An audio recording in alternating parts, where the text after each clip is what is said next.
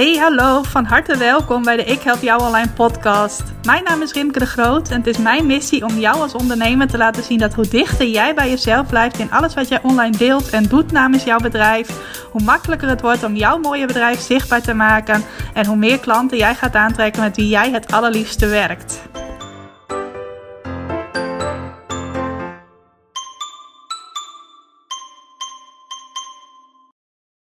Welkom, van harte welkom bij weer een nieuwe aflevering van de Ik Help Jou Online podcast. En je treft vandaag een lekker uitgeruste Rimke, want het is de eerste werkdag na mijn vakantie. Ik heb heerlijk drie weken vakantie gehad. Ik ben niet echt weg geweest in de zin van dat ik de eerste dag van mijn vakantie mijn koffers heb gepakt en nu net weer terug ben gekomen. Nee, ik ben iemand die het heerlijk vindt om lekker thuis vakantie te vieren, maar dan wel allerlei dagjes weg te gaan.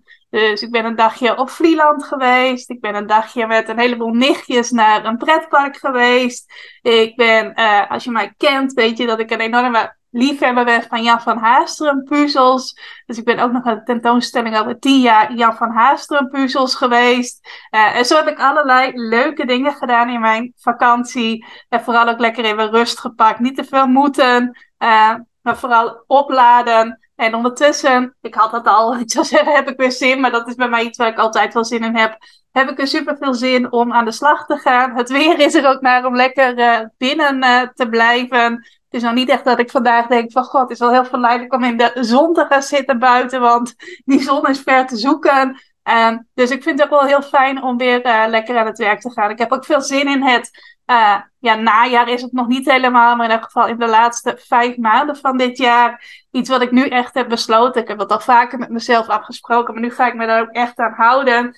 Is om veel dingen te gaan herhalen, omdat ik weet dat het daardoor voor mezelf een heel stuk makkelijker wordt. Dus niet het hele jaar door maar in de creatiemodus en nieuwe dingen ontwikkelen. Maar uh, afgelopen jaar heb ik in de laatste vijf maanden van het jaar heel veel uh, dingen gedaan die goed hebben uitgepakt en die ik ook heel erg leuk vind om te doen. En een groot deel van die dingen zal ook uh, dit najaar terug gaan komen. En om te beginnen ook al in augustus. Ik heb vorig jaar in augustus een blogmaand gedaan. Wilde zeggen dat ik op elke werkdag een blog schreef. Uh, volgens mij waren dat er toen Even kijken of ik dat goed zeg uit mijn hoofd. Volgens mij waren dat de 23, want er vielen maar acht weekenddagen in augustus. En ik denk dat dat nu weer zo is. Dus dan heb ik 23 blogs geschreven. Dat is iets wat ik nu ook weer wil gaan doen in augustus. Dus uh, als je dit luistert, ben je mijn stok achter de deur dat ik dat ook echt ga doen. Ik weet ook dat ik vorig jaar in augustus een leuke winactie heb gedaan. Voor als je mij wilde helpen om uh, mijn e-maillijst te laten groeien. Dat is ook iets wat in augustus terug gaat komen. Uh, ook iets wat niet in augustus terug gaat komen. Ik heb vorig jaar een training toegedaan. Die heette de Switch. Hoe maak je nou de switch van social media naar je website? Dat is iets waarvan ik dacht, ja, dat ga ik niet nog een keertje doen. Ik heb wel nog een andere leuke training lopen. De Kom Hoger in Google training die ik uh, op mijn verjaardag heb gelanceerd. Dat was vlak voor mijn vakantie. En daar horen nog een aantal uh, online bijeenkomsten bij voor iedereen die daaraan meedoet. Dus dat is wel iets waar ik in augustus lekker mee bezig ga. En uh, ja, verder komen er in de loop van het najaar nog twee hele leuke, waardevolle lanceringen aan. Daar ga je zeker nog wat uh, meer over horen, misschien wel heel veel meer over horen. Dus dan weet je ook alvast dat dat uh, eraan komt. Even een kleine update zo aan het begin van deze aflevering. Um, waar ik het met je over wil hebben, is dat je niet te veel denkt in problemen, maar veel meer gaat denken in oplossingen of uitdagingen of hoe je het maar wilt noemen. Ik denk dat we ons daar allemaal schuldig gaan maken. Ik zeg bewust we, want ook al ben ik daar best wel alert op om niet te veel in problemen te denken. Ik denk dat ik het ook alsnog wel doe, of ik weet wel zeker. Maar ik probeer altijd wel zoveel mogelijk te denken in oplossingen. Een vraag die ik afgelopen half jaar regelmatig heb gehoord is de vraag: wat kan er wel? Dus ook als je in een wat meer uitdagende situatie zit, of je denkt dat je niet zoveel mogelijkheden hebt, is er altijd iets wat je wel kunt doen. En ik wil je aanmoedigen om meer te denken vanuit die richting. Dus niet te kijken van, oh, hier is een probleem, ik kan nu niets, ik kan nu geen stap zetten, dit is voor mij niet mogelijk. Maar veel meer te denken vanuit, wat is er wel mogelijk? Wat kan er wel? En ook als het gaat om het krijgen van klanten uit je website en goed gevonden te worden in Google, is dat een heerlijke vraag die je heel erg kan helpen. Dus dat is wat centraal staat in deze aflevering. niet denken in problemen, niet zelf de problemen creëren, niet zelf de obstakels opwerpen. Stel dat je een atletiekbaan hebt en je kunt daar 400 meter gewoon over hardlopen, moet je niet zelf daar 10 hordes op plaatsen. En dat is wel iets wat we vaak doen als ondernemers, dat we zelf hordes plaatsen die er eigenlijk helemaal niet zijn, maar waardoor het wel ineens een hele uitdaging wordt. Terwijl eigenlijk als je het aan iemand anders zou vragen, die met een frisse blik naar kijkt, het ook veel makkelijker kan zijn. Nou, en daar zijn we dus zelf vaak heel goed in, om dingen moeilijker te maken dan nodig. Misschien ook iets wat je vanuit je opvoeding meekrijgt. Uh, dingen moeten, nou eenmaal, als, als je ergens een succes van wilt maken, moet dat moeilijk zijn, moet het ingewikkeld zijn. Je moet dingen overwinnen om uiteindelijk tot iets uh, mooiers te komen, om het zo maar even te zeggen. Um, maar dat is vaak helemaal niet zo. Het mag ook op een makkelijke manier. En ik wil je dus heel erg aanmoedigen om om te denken en uh, te kijken naar wat kan er wel en hoe kan ik dit zien als een uitdaging of hoe kan ik focussen op de oplossing in plaats van focussen op het probleem. Dat is trouwens ook iets wat ik veel heb gezien in coronatijd. Nou, toen kregen we natuurlijk ook allemaal zo met onze problemen te maken. En wat mij toen heel erg is opgevallen is dat sommige ondernemers voor wie corona echt wel behoorlijke problemen met zich meebracht, dat die er vaak op een positievere manier mee omgingen dan andere ondernemers die eigenlijk helemaal niet zo hard geraakt werden door de beperkingen die corona met zich meebracht, maar die toch helemaal in zak en as zaten of helemaal instorten of wat dan ook. En dan kon je heel duidelijk zien wie is daarin echt iemand die denkt van oké, ik kijk naar wat er wel kan en wie is iemand die bij het kleinste zuchtje tegenslag gelijk al uh, ja, in de put uh, terecht komt. Maar goed, dat is even een klein zijsprongetje. Ik ga een aantal situaties met je delen uh, die mij wel eens worden voorgelegd. En ik wil je laten zien hoe je daarvan van een probleem een uitdaging kunt maken of hoe je meer kunt focussen op de oplossing. Nou, een van de dingen die ik vaak meegeef aan mijn klanten, omdat ik weet dat het je ontzettend helpt, dat is ga bloggen voor je website. Als jij graag klanten wilt krijgen van, vanuit Google, via Google, dan is het enorm waardevol om blogs voor je website te gaan schrijven. Ik heb dat zelf ook weer in de afgelopen weken gemerkt. Ik ben dus drie weken vrij geweest. Ik heb niets aan marketing gedaan. Ik had, sorry, ik had voor mijn vakantie wel uh, drie blogs ingepland en drie e-mails ingepland. Nieuwsbrieven mag je dat ook noemen. Die tijdens mijn vakantie online gingen. Maar verder heb ik niets gedaan. Ik heb niets op social media gepost. Ik heb niet in mijn vakantie stiekem toch een dagje aan mijn website gewerkt. Of aan een andere vorm van marketing gewerkt. Nee, ik heb helemaal niets gedaan op dat vlak. En toch hebben. Uh, ja, ik had het opgezocht vanmorgen, maar dan weet ik het niet meer uit mijn hoofd. Maar in elk geval tussen de 500 en 1000 mensen mijn website gevonden via Google. In die drie weken dat ik met vakantie was. En dat komt grotendeels doordat mensen mijn blogs weten te vinden. Ook wel mijn homepage, ook wel een aantal van mijn aanbodpagina's. Ik heb bijvoorbeeld ook uh, in mijn vakantie weer verschillende online pubquizzen verkocht. Dat is een uh, hobby business van mij. Die verkoop ik rechtstreeks vanuit Google. Maar ook heel veel mensen die een blog van mij vonden. En die soms ook via een blog op mijn e-maillijst terechtkwamen. Uh, dus als iemand mij vraagt, hoe krijg ik snel meer klanten vanuit Google? Of hoe krijg ik snel mijn eerste klanten vanuit Google? Dan zeg ik altijd, ga zo snel mogelijk beginnen met bloggen. En een obstakel dat iemand dan vaak uit zichzelf opwerpt, vaak, in het geval gebeurt dat wel regelmatig, is uh, ik kan niet bloggen op mijn website. Ik heb geen blogmodule. Ik heb geen optie om blogs te plaatsen. Zoals het er bij jou uitziet, zo kan ik dat niet op mijn website krijgen. Oftewel, probleem, ik kan niet bloggen, want het is niet mogelijk op mijn website. Of ik moet het eerst aan iemand anders vragen om het voor elkaar te krijgen. Nou, dat is dus echt een voorbeeld van iets wat voor jou een probleem lijkt, maar wat helemaal niet een probleem is. Want als jij een website hebt en er staan pagina's op, dan kun jij sowieso ook blogs plaatsen. Want ook als je niet een blogmodule hebt, ook als het misschien niet zo kan als de manier waarop ik dat heb, en als je met een WordPress website werkt zoals ik, dan zit er automatisch een blogmodule bij in. Dat heet dan berichten. En daar kun je je blogs plaatsen. En dan komt het ook echt uit te zien als een bloggedeelte op je website. Stel dat jij met een ander type website werkt. En je hebt daar niet een blogmodule in, alsnog kun je blogs plaatsen. Het ziet er dan alleen misschien niet in jouw ogen perfect uit. Het ziet er niet zo uit als het er bij mij uitziet. Of bij iemand anders die jij kent. Maar dat wil niet zeggen dat je niet kunt bloggen. Je kunt een nieuwe pagina op je website aanmaken en daar kun je een blog op schrijven. Sterker nog, ik weet van een aantal klanten van mij die dat op die manier doen en die daar super veel succes mee hebben, die regelmatig gevonden worden in Google niet door de perfecte blogpagina te hebben, maar wel door te kijken hoe kan ik op mijn manier blogs gaan schrijven. En dat is iets waar je wel echt op mag letten. We willen het vaak perfect doen. We willen het vaak net zo doen als het er bij een ander uitziet. En we hangen ook heel erg aan dat perfectionisme. En vaak ben je dan niet bereid om daarin een concessie te doen en te zeggen van oké, als het niet, uh, ja, hier in Friesland is daar zo'n uit, uitdrukking voor. Als net kind zoals het mat, dan mat maar zoals het kind. Misschien is die ook wel in het Nederlands. Oftewel, als het niet uh, kan zoals het moet, dan moet het maar zoals het kan. Nou, hoor je me ook een keertje Fries zeggen. Maar in elk geval, dat is hoe je dan mag denken. Als je zegt van oké, ik heb niet een blogmodule of dat is het wel, maar ik snap niet hoe dat werkt enzovoort enzovoort. Dan kun je ervoor kiezen om dat een excuus te laten zijn. Om te zeggen oké, en dan kan ik niet beginnen met bloggen. Want dan ziet het er niet perfect gelikt uit.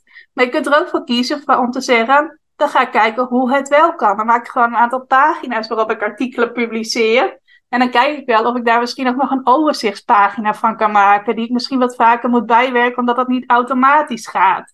En ik heb ook wel een aantal blogs geschreven als gewone websitepagina's. Toen ik een uh, online kennisbank op mijn website wilde creëren. Dan heb ik die in eerste instantie de artikelen daarvoor ook niet als blogs geschreven, maar op een andere manier. En dat kan altijd. Als je een website hebt en je kunt daar pagina's op aanmaken, kun je er ook blogs op aanmaken. En kun je dus ook de kans benutten om via blogs gevonden te worden in Google door nieuwe klanten. Dus hier geldt al, je kunt het zien als een excuus, als een drempel, als een horde, zoals ik net uh, benoemde. Je kunt ook zeggen van ja, het kan wel. Het ziet er misschien niet perfect uit. En misschien ben je een enorme perfectionist. Maar ben je dan bereid om dat opzij te zetten om alsnog wel al te kunnen beginnen met bloggen?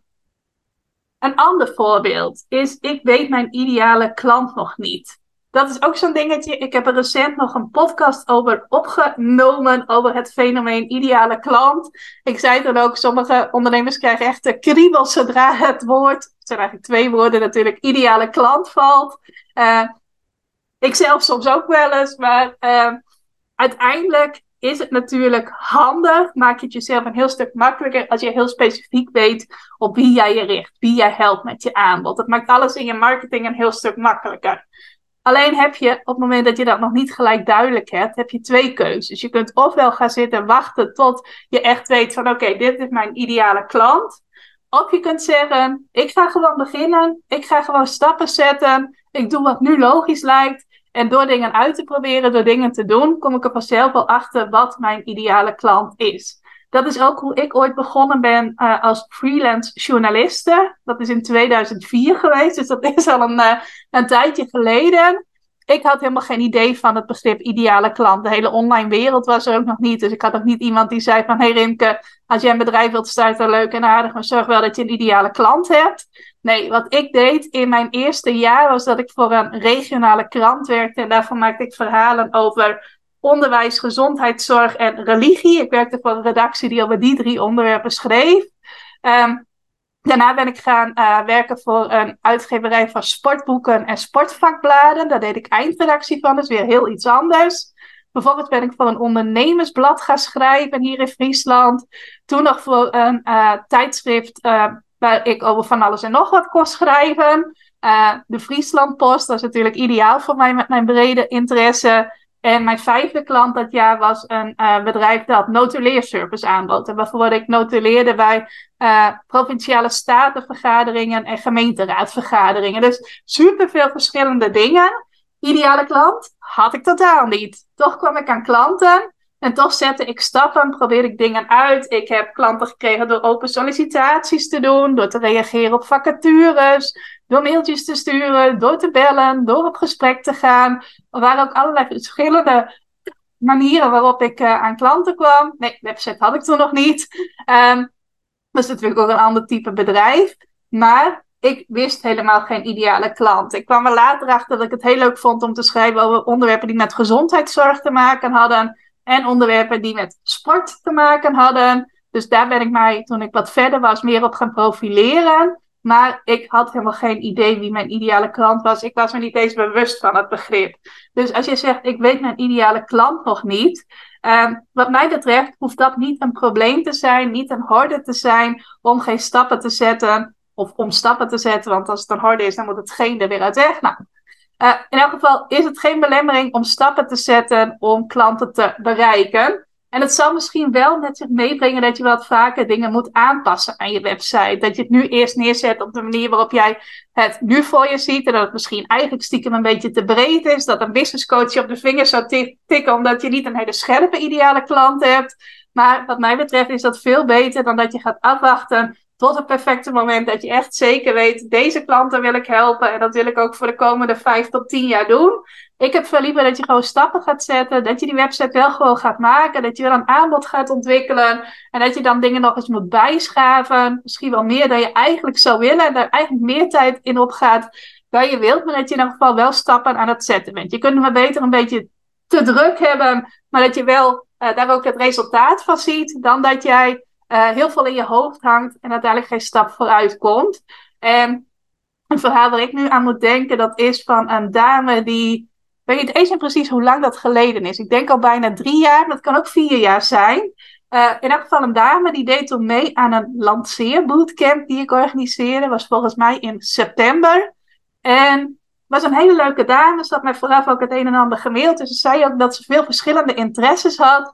Uh, volgens mij had ze wel een stuk of vier, vijf of zes verschillende dingen waar ze wel een bedrijf van zou willen maken. En ze wilde mijn lanceerbootcamp gebruiken om ook daadwerkelijk iets te gaan opzetten. Alleen zij hing zo vast in dat stukje dat zij meerdere ideale klanten had of meerdere dingen leuk vond. Ze had het niet eens over ideale klanten, maar ze vond meerdere dingen leuk. En ze wilde daarin geen keuze maken, want als ze een keuze maakte, dan maakte ze daarbij eigenlijk ook de keuze om die andere dingen dan niet te doen. Nou, en dat vond ik ontzettend zonde. Ik heb haar toen ook wel aangemoedigd. En ik weet ook van andere deelnemers die daar toen bij waren en haar verhaal hoorden, dat ze haar ook hebben aangemoedigd. Maar als je nou in elk geval één ding kiest, of wat mij betreft twee dingen kiest, of drie dingen zelfs, dan kun je in elk geval daarin stappen zetten. Dan kun je daarin mensen gaan helpen. En dan kun je maar beter kiezen voor misschien twee of drie dingen. Ook al is dat misschien tijdtechnisch en energietechnisch niet zo handig. Dan dat je met geen enkele van die dingen aan de gang gaat. Omdat je zegt van ja, er zijn er ook dingen die ik dan niet kan doen. Nu doe je dus alles niet. En wat ik zonde vind, is dat ik een tijdje geleden, ik denk dat dat twee maanden geleden ongeveer is, van diezelfde dame een mailtje kreeg waarin ze vertelde dat ze nog steeds op mijn e-maillijst stond, dat ze nog steeds graag mijn mails en mijn blogs las, maar dat ze er eigenlijk nog niets in de praktijk mee kon, omdat zij nu, bijna drie jaar later, als ik het goed onthouden heb, nog steeds geen stappen had gezet. Nog steeds niet een keuze had gemaakt om met één van haar ideeën aan de slag te gaan, om één ideale klant te gaan helpen. Of dus wat mij betreft twee of drie. Maar dat ze nog steeds vasthing in dat punt van ik vind heel veel verschillende dingen leuk en ik kan niet kiezen. En ook daar mag je ervan bewust zijn dat het een probleem is dat je zelf in stand houdt. En dan kun je dus veel beter zeggen van oké, ik weet nog niet precies wie ik nou wil helpen en op wie ik mij voor langere tijd wil richten. Dus ik ga verschillende soorten klanten helpen. Uh, waarmee het dus misschien een beetje ingewikkelder is met als je bijvoorbeeld aan e-mail marketing doet, om dan echt jouw ideale klant aan te spreken, omdat het eigenlijk meerdere verschillende ideale klanten zijn.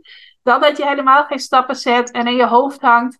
En dus uh, ja, na een tijdje nog steeds uh, geen stap verder bent. Of misschien na een paar jaar nog steeds geen stap verder bent. Dan is het ook een probleem dat je zelf creëert, dat je zelf in stand houdt, waarbij je dus ook niet ehm, het aandurft om meer te kijken naar wat kan er wel, welke stap kan ik wel zetten, hoe kan ik dit ombuigen in een oplossing in plaats van het probleem in stand te houden. Nou, dat is ook iets wat ik je mee wil geven als jij merkt dat je je daardoor tegen laat houden. Ik weet mijn ideale klant nog niet. Of iets wat ik recent nog hoorde. Uh, ik weet mijn ideale bedrijfsnaam nog niet. Ik had hier een uh, tijdje geleden een leuke dame bij mij thuis die ik hielp met uh, het beter vindbaar maken van haar website in Google. Nou, ze vertelde me eventjes haar verhaal van hoe ze onderneemster was geworden. En inmiddels doet ze het uh, behoorlijk goed. Maar ze vertelde ook dat zij echt een jaar had gewacht om zich in te schrijven bij de Kamer van Koophandel. Omdat ze niet een perfecte bedrijfsnaam kon bedenken. Ze had al ideeën en haar omgeving kwam ook wel met suggesties. Maar het was allemaal niet waar zij het wauwgevoel van kreeg. Dat heeft al met al een jaar geduurd. En pas toen heeft ze zich ingeschreven in bij de Kamer van Koophandel en is ze haar bedrijf begonnen.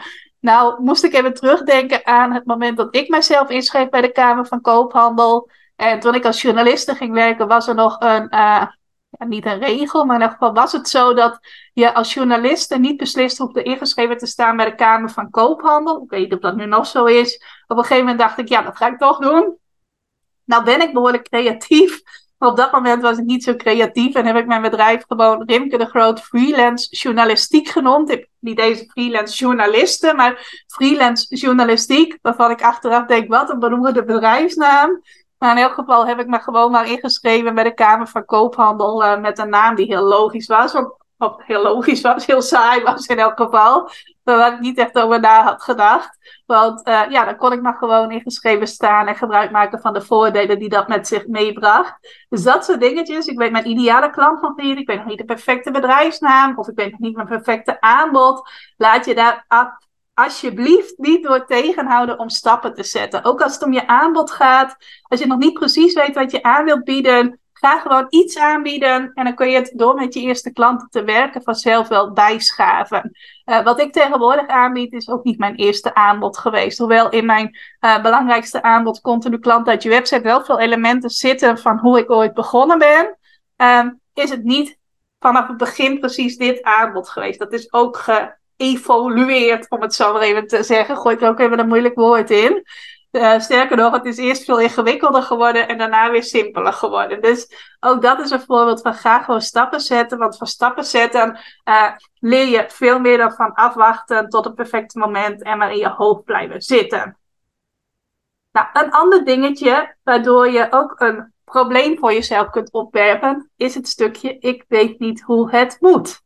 Als je klanten wilt krijgen uit Google, dan zul je natuurlijk moeten weten hoe jij Google voor je laat werken. Specifiek ook als zelfstandig ondernemer of kleinere ondernemer. Um, hoe werkt dat met die zoekwoorden, met SEO? Nou, ik kan er een heleboel vaktermen in gooien, maar daar ben ik niet zo van. Maar in elk geval, als jij dat verlangen hebt, van ik wil bijvoorbeeld minder afhankelijk worden van social media. Ik wil graag dat mensen mij in Google gaan vinden. Dat klanten automatisch via mijn website naar mij toe komen. Dat is een vak apart. Dat wil ik niet meer zeggen dat het moeilijk is, maar je moet natuurlijk wel weten hoe je het voor je laat werken. En dan kun je blijven hangen in, ik weet niet hoe het moet, dus ik kan geen stappen zetten. Oftewel, ik creëer een probleem, ik zet een horde op die atletiekbaan. Of je kunt zeggen, ik weet niet hoe het moet, dus ik ga kijken wie of wat mij daarbij kan helpen.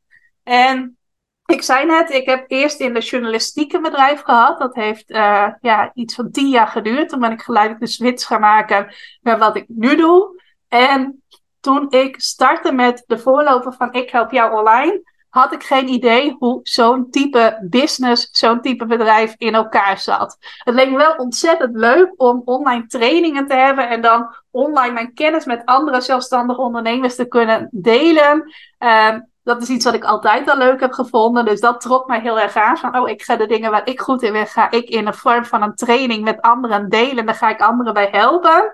Dat trok mij heel erg aan. Wat er verder bij kwam kijken, ik had geen idee. Het was voor mij al een eye-opener toen ik ontdekte dat je een e-book of iets anders kon maken. In ruil voor een e-mailadres. En dat je dan op die manier een e-maillijst kon opbouwen. Nou, dat was voor mij echt uh, op dat moment de eye-opener van het jaar. Om je maar even te laten zien waar ik vandaan kom. En uiteindelijk ontdekte ik dat er wel meer dingen bij kwamen kijken. Ik wilde bijvoorbeeld op een gegeven moment webinars gaan geven. Ik wilde iets gaan doen met Facebook-advertenties. Nou, zo waren er een heleboel dingen die ik wilde gaan doen. En nou moet je weten dat ik vanuit mijn achtergrond als uh, journaliste niet zozeer gewend was om heel veel te investeren in het opdoen van nieuwe kennis en vaardigheden. Als jij als journalist een beetje weet hoe je een artikel moet schrijven uh, en een beetje weet hoe jij uh, aan klanten komt, nou, heb je niet zo heel veel andere dingen nodig. In de basis was een journalistiek bedrijf vrij uh, eenvoudig, zat dat in elkaar. Um, ik volgde wel eens een workshop of een training van een dag. Uh, om mijn vaardigheden weer wat uit te breiden. Um, maar het was niet zo dat ik daar duizenden euro's per jaar in investeerde. Dus dat is ook niet iets wat ik gewend was om te doen. Maar toen ik besloot om die online business te gaan opzetten, om de voorloper van Ik Help Jou Online op te gaan zetten, toen uh, kwam ik er wel al snel achter dat ik bepaalde dingen moest leren, bepaalde dingen moest weten. En dat je hiervoor uh, wat meer nieuwe dingen moest leren dan voor het opzetten van een journalistiek bedrijf. En overal is ook gewoon hulp bij voorhanden. Ik kwam ook al snel terecht in de wereld van uh, de coaches op het gebied van business en marketing, die allerlei, allemaal hun eigen specialisme hadden, die allemaal bij hun eigen dingen konden helpen. En dat er gewoon heel veel hulp voorhanden is. En je hebt altijd de keuze om te zeggen: Ik weet niet hoe het moet, dus ik kan geen stap zetten. Of uh, ik weet niet hoe het moet, dus ik ga mijn tijd in steken om dit te leren.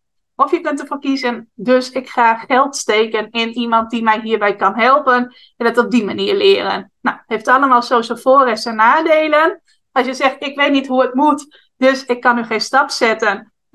Is het voordeel van dat je lekker veilig kunt blijven, dat je geen spannende dingen hoeft te doen, dat je geen dingen hoeft uit te zoeken, dat het helemaal niet moeilijk is om de keuze te maken van ik weet niet hoe het moet, dus ik zet geen stap. Maar het heeft natuurlijk ook als gevolg dat je niet verder komt. Dat je geen klanten kunt gaan helpen. Of dat je in dit geval geen klanten vanuit Google krijgt, maar afhankelijk blijft van andere manieren om aan klanten te komen. Nou, op het moment dat jij ervoor kiest om hier je tijd in te steken, nou, brengt als voordeel met zich mee dat het geen kosten uh, met zich meebrengt. Dat is een dubbele zin. Maar in elk geval, ik zal trouwens proberen niet uh, wat minder te kraken op mijn bureaustoel. ik weet niet of je dat hoort, maar uh, het kost geen geld om je tijd ergens in te investeren. Het kost alleen vaak wel veel tijd. Als je dingen moet gaan uitzoeken waar jij eigenlijk nog maar heel weinig van weet, dan slokt dat heel veel tijd op. Dat had ik bijvoorbeeld toen ik wilde leren hoe ik goede webinars kon geven, of hoe ik kon, of dat ik wilde leren om te adverteren op Facebook. Ik dacht, ik kan wel overal een stukje gratis kennis vandaan halen uit video's en blogs en dergelijke.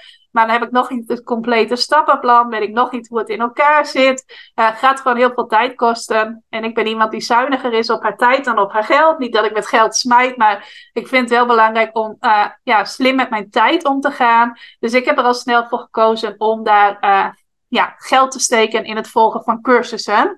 Ik weet ook nog, ook nog wel dat ik een training ging volgen over het geven van webinars. En dat er toen een dame in zat die een gastworkshop gaf over Facebook adverteren. En dat zij toen een mooi aanbod deed om bij haar een cursus over Facebook adverteren te gaan volgen. Dat ik toen gelijk dacht, oh, dat heb ik ook nodig. Die, heb ik, die boek ik er ook gelijk bij. Dus dan ben ik ook gelijk op dat aanbod ingegaan. Oftewel, ik heb er toen voor gekozen om geld te steken in de dingen. Uh, leren waarvan ik zei, ik weet niet hoe het moet. En daar heb je dus altijd de keuze in om te zeggen, ik weet niet hoe het moet, punt. Dus ik kan het niet. Dus het gaat niet voor mij werken. Dus het is voor mij niet mogelijk. Of ik weet niet hoe het moet. Dus ik ga kijken hoe ik het kan leren. Wie kan mij hierbij helpen? Of wat kan mij hierbij helpen? En daar heb je altijd de vrije keuze in. En ik snap natuurlijk dat het spannend is om ergens geld in te steken. Zeker als je dat niet gewend bent. Ik was dat dus ook helemaal niet gewend om in cursussen te investeren. Uh, dus uh, voor mij was dat ook een spannende stap. Maar ik merk wel dat ik daar ontzettend veel aan gehad heb. Dat het me heel veel tijd heeft bespaard uh, in het bereiken van de dingen die ik graag wilde. En ook dat ik in de meeste gevallen, zeker niet in 100% van de gevallen, maar wel in de meeste gevallen, het geld dat ik erin gestopt heb ook dubbel en dwars heb terugverdiend. Nou, dat maakt het dan vervolgens ook makkelijker om dat de volgende keer weer te doen. Um, maar dat kan ik je wel echt aanraden. Zeker als jij zegt van ja, mijn bedrijf is niet een leuke hobby, niet iets voor erbij waar ik een, uh, nou, ik vind dat een rot woord, maar een zakcentje mee verdien. Nee, ik wil er wel gewoon fulltime van kunnen leven. En ik wil er wel de klanten en de omzet hebben, waardoor het een, uh, ja, een fulltime business is. En niet dat ik veel minder verdien dan wanneer ik in loondienst zou werken. Dan vind ik ook dat jij, als je serieuze ambities hebt, dat je jezelf daarin ook serieus mag nemen. En als jij dan zegt van ja, ik heb heel veel tijd over. Uh, ik kan makkelijk met mijn tijd strooien. Ga dan die tijd erin stoppen. Ga dan alles uitzoeken, alles zelf uitvinden. Als je zegt van nee, ik ben iemand die uh, voor wie tijd kostbaar is en ik wil daar niet mee smijten. Uh, gun het jezelf ook om dan een investering te doen in de dingen die jij graag wilt uh, leren. Nou, en mocht je dat willen doen in alles dat te maken heeft met klanten krijgen uit Google, omzet halen uit Google via je website, dan ben je natuurlijk van harte welkom om gebruik te maken van het aanbod dat ik heb. Maar dat eventjes geheel terzijde.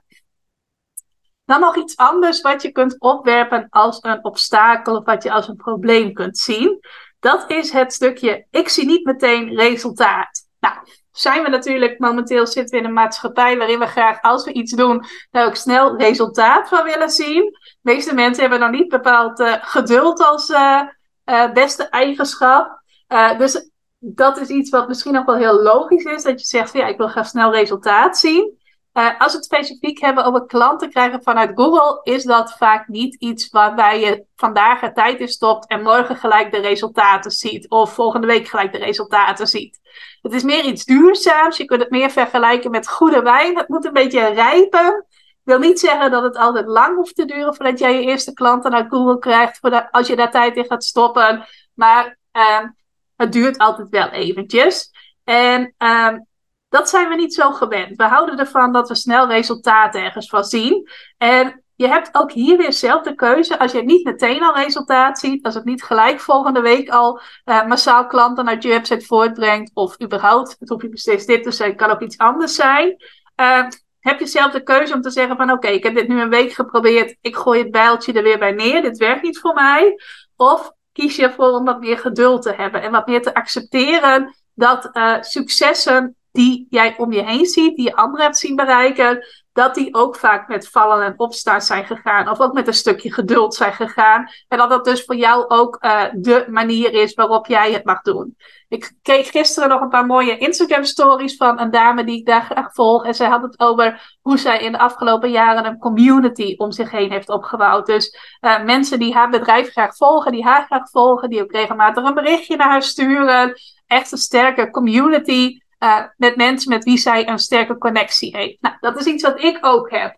En ik ben in 2015, dus dat is inmiddels acht jaar geleden, heel voorzichtig stapjes gaan zetten om die community op te bouwen. En ook hiervan zei die dame van dat is niet iets wat uh, een korte termijn strategie is. Het is niet zo dat als jij zegt ik ga vandaag een community opbouwen, dat je daar dan al binnen een paar maanden uh, massa's klanten uit krijgt. Nee, dat is echt iets wat langere termijn is.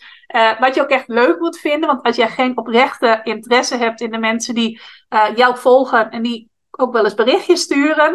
Uh, als je je echt moet forceren om daar enthousiast op te reageren, dan gaat dat niet voor je werken. Als je het wel leuk vindt om die contacten te hebben met mensen die jouw content bijvoorbeeld waardevol vinden, die jou een berichtje sturen, een DM op Instagram of een mailtje. En je reageert daar leuk op. En ook vanuit oprechtheid. Niet omdat je dat uh, moet forceren bij jezelf of zo. Dan is dat ook iets wat heel krachtig voor je werkt. Dat merk ik ook nu ik acht jaar al bezig ben met het opbouwen van die community. Er komen steeds meer leuke mensen bij. Mensen binnen mijn community leren elkaar ook weer kennen. En bouwen ook weer connecties met elkaar op. Of samenwerkingen. Of binnenkort weer een gezamenlijke lunch met een deel van mijn klanten. Uh, Zo'n community is super waardevol. Maar ook daar geldt er is niet meteen resultaat. Nou, en uh, wat we vaak zien is uh, online zeker dat mensen, uh, ja, als het ware, het lijkt wel alsof ze instant succes hebben bereikt. Dat het bij hen altijd moeiteloos gaat. Dat alles wat ze, doet, lukt, wat ze doen lukt. Dat soort dingetjes. En wat je niet ziet, is dat die mensen vaak al een hele tijd bezig zijn. En dat zij ook uh, vanuit vallen en opstaan dat hebben bereikt wat ze hebben bereikt. En dat ze ook op uh, momenten hebben gestaan waarbij iets wat ze wilden niet meteen lukte. En dat ze toen de keuze hadden van, dus ik gooi het bijltje er weer bij neer. Of de keuze hadden, maar ik blijf het proberen. En dat is iets uh, wat ik ook altijd heb gedaan. Ik wil mezelf niet te veel op de borst kloppen of zo. Maar uh, ik merk wel dat ik iemand ben die als ze ergens niet meteen al het resultaat van ziet, wel altijd de keuze maakt van oké, dat is ook heel normaal dat het niet gelijk een doorslaand succes is. Ik ga kijken wat ik beter kan doen. Ik ga kijken wat ik hiervan kan leren enzovoort, enzovoort. En dat is dus wat je ook bij heel veel andere mensen niet ziet, maar wat wel zo is, dat de successen die jij om je heen ziet, juist zijn ontstaan vanuit vallen en opstaan en niet vanuit, oh, dit lukte direct, het was een instant succes.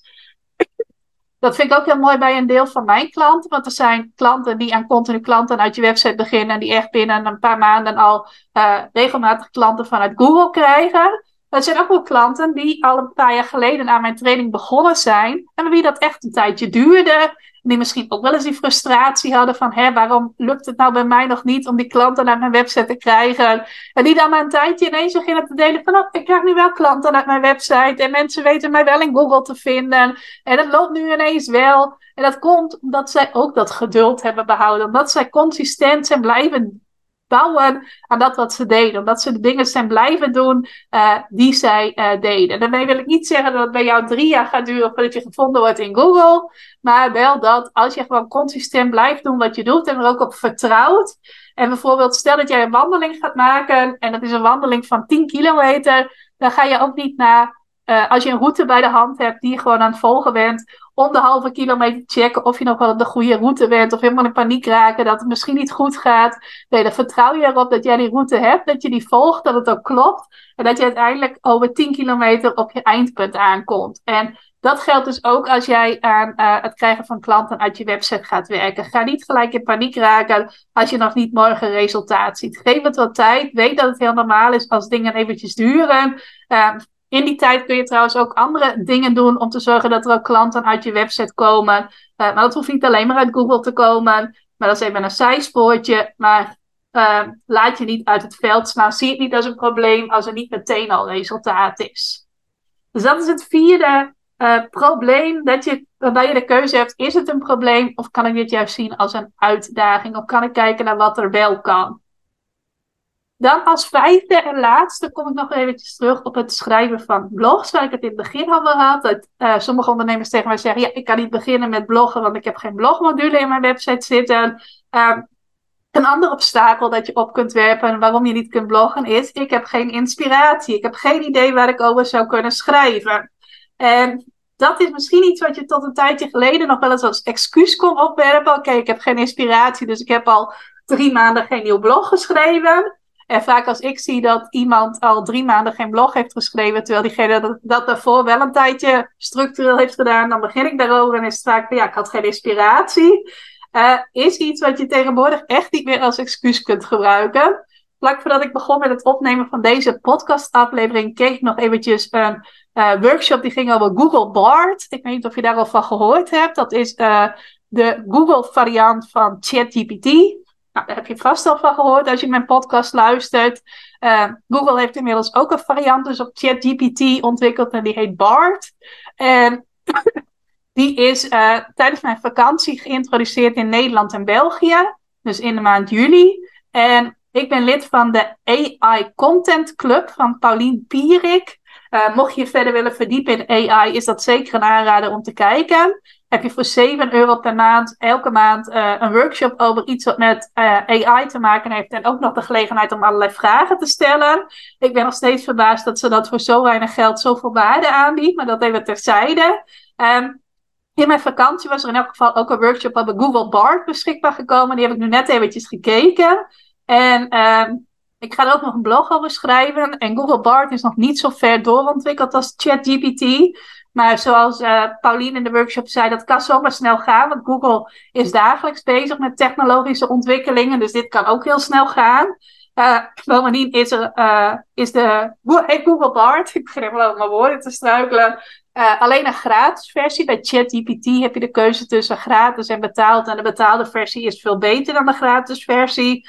Google Bard is helemaal gratis. En die nog nog up-to-date. ChatGPT heeft maar informatie tot uit mijn hoofd september 2021. Dus als jij iets wilt schrijven over iets wat in 2022 heeft plaatsgevonden, dan weet ChatGPT dat niet. Google Bard weet dat wel. Um, ik begin volgens mij een beetje af te dwalen, maar in elk geval uh, kan zowel Google Bard als ChatGPT jou helpen om ideeën op te doen voor blogs. Sterker nog, je kunt zelfs je hele blog laten schrijven door een van deze hulpmiddeltjes. Dat zou ik je niet helemaal aanraden. Ik zou je wel aanraden om ook altijd je eigen sausje eroverheen te gieten, je eigen woorden te gebruiken. Maar als jij om inspiratie verlegen zit, ik doe dat de laatste tijd ook steeds weer als ik daar in mijn klanten Facebookgroepen vragen over zie, van wie kan er mij, met mij meedenken over puntje, puntje, puntje. Uh, verwijs ik ook graag naar ChatGPT. Die kan met jou meedenken. Als je geen inspiratie hebt, vertel gewoon aan ChatGPT wat je doet. Uh, misschien ook over welke onderwerpen je al geschreven hebt. En vraag of ChatGPT jou een aantal onderwerpen aan de hand wil doen waar je ook over kunt schrijven. Waardoor dat stukje, ik heb geen inspiratie, dus ik werp een horde op. Dus ik maak daar een obstakel van, waardoor ik geen blog kan schrijven. Niet meer geldig is. Want er is altijd hulp voorradig. Je kunt natuurlijk wel weer het probleem opwerpen. Ik heb niets met AI. Ik wil me daar niet in verdiepen. Ik heb er een hekel aan. Ik vind het allemaal veel te snel gaan. Dat is ook weer een keuze om dat zelf als horde op te werpen. Maar in principe hoeft dat niet een horde te zijn. En heb je dus de mogelijkheid om altijd inspiratie uh, te verzamelen via dat soort hulpmiddelen. En ik zag nu net uh, dat zelfs Uber Suggest, daar heb je mij vast ook wel eens over gehoord, mijn favoriete hulpmiddel om goede zoekwoorden te vinden, ook al een hulpmiddel heeft om, uh, als jij een goede zoekterm gevonden hebt, om er automatisch een blog omheen te schrijven. Dus hoef jij niks te doen, alleen op een aantal knopjes te klikken. En dan schrijft zelfs Uber Suggest al automatisch een blog voor je, waardoor ook het obstakel wat je misschien hebt, ik heb geen tijd om te bloggen, ook niet meer geldig is. Want je kunt het nu heel makkelijk voor je laten doen, met dus wel als aantekening dat uh, het wel goed is om er je eigen schrijfstijl van te maken, je eigen sausje overheen te gieten.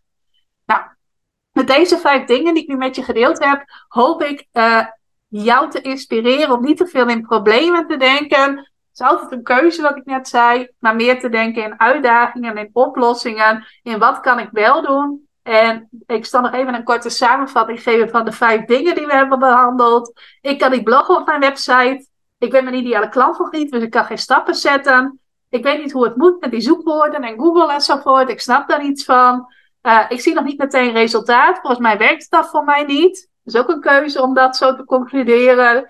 Of ik heb geen inspiratie. Nou, ik hoop dat ik je heb kunnen helpen om daar op een andere manier naar te kijken. Uh, dus ik hoop dat het ook weer waardevol voor je was. Als je iets wilt delen over deze aflevering met mij, ik ben weer helemaal uh, back to business. Dus stuur me gerust een berichtje op Instagram via rimke.ikhelpjouonline. Mag me natuurlijk ook altijd een mailtje sturen. rimke.ikhelpjouonline.nl Wat ik net vertelde over die community en het beantwoorden van je berichtjes. Ik vind dat ontzettend leuk om te doen. Dus als je mij iets stuurt, beantwoord ik dat ook altijd met heel veel plezier voor je. Dus aarzel vooral niet om dat te doen. En uh, ja, ik kijk er naar uit om weer veel mooie afleveringen uh, voor je te maken in deze tweede helft van 2023.